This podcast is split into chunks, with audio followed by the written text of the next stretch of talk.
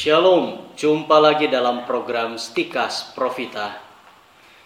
Baru-baru ini media online viral dengan isu seorang pastor mu'alaf lulusan S3 Vatikan pula. Isu ini membuat banyak orang geram. Persoalannya bukan pada mu'alafnya, karena itu merupakan hak setiap warga negara yang menjadi persoalan adalah kebohongan publik di balik peristiwa ini.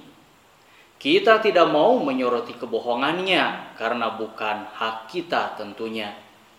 Yang pasti kita mau menyoroti siapa sih imam Katolik itu.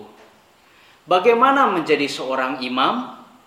Tujuannya supaya kita mampu mengenal bagaimana gereja Katolik mendidik para pemimpinnya Istilah imam sama dengan pastor.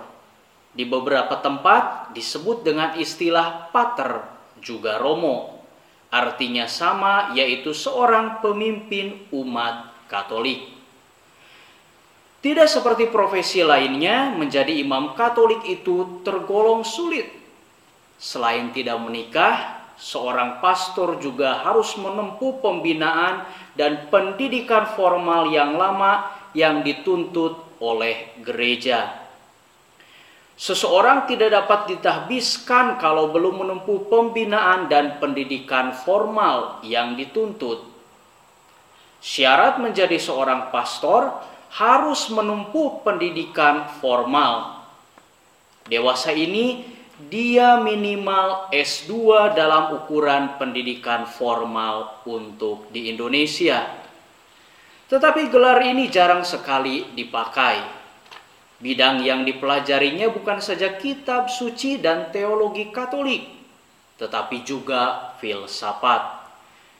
Rata-rata mereka menempuh tiga tahun studi filsafat, selebihnya kitab suci dan teologi. Dia bahkan belajar juga mengenai agama-agama lain, misalnya Islamologi, filsafat Islam, Buddhisme, Hinduisme, Konfusianisme, dan studi perbandingan agama. Di beberapa sekolah tinggi lain bahkan mereka belajar juga teologi reformasi.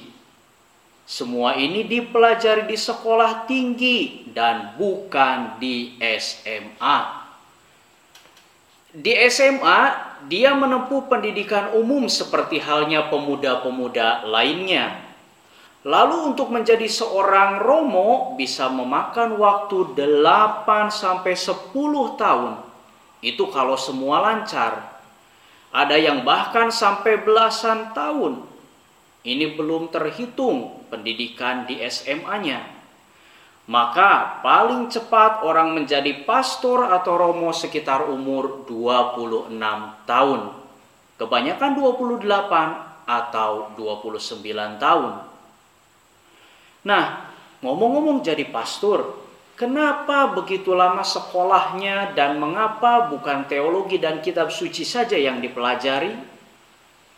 Jadi begini, menjadi pastor atau romo itu perlu sebuah kematangan, bukan saja kepribadian, spiritualnya, tetapi juga intelektualnya.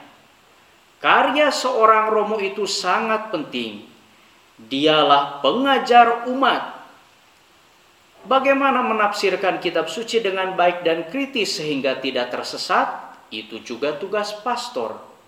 Dialah yang mengajari umatnya bagaimana menjalani hidup Kristen dalam perjumpaan dengan umat beragama lain.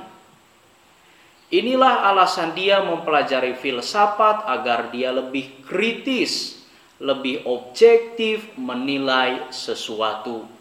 Juga ketika dia mempelajari agama-agama lain, supaya dia bisa menerima perbedaan dan mau bersikap toleran dengan agama-agama lain. Jadi singkatnya saudara-saudari, tidak ada yang instan untuk menjadi seorang pastor. Dia harus melewati semua pembinaan yang berlangsung lama. Tujuannya agar dia dapat mengajar umatnya secara lebih mendalam. Maka kalau ada orang yang mengaku umur belasan tahun dia menjadi romo, jelas itu tidak mungkin.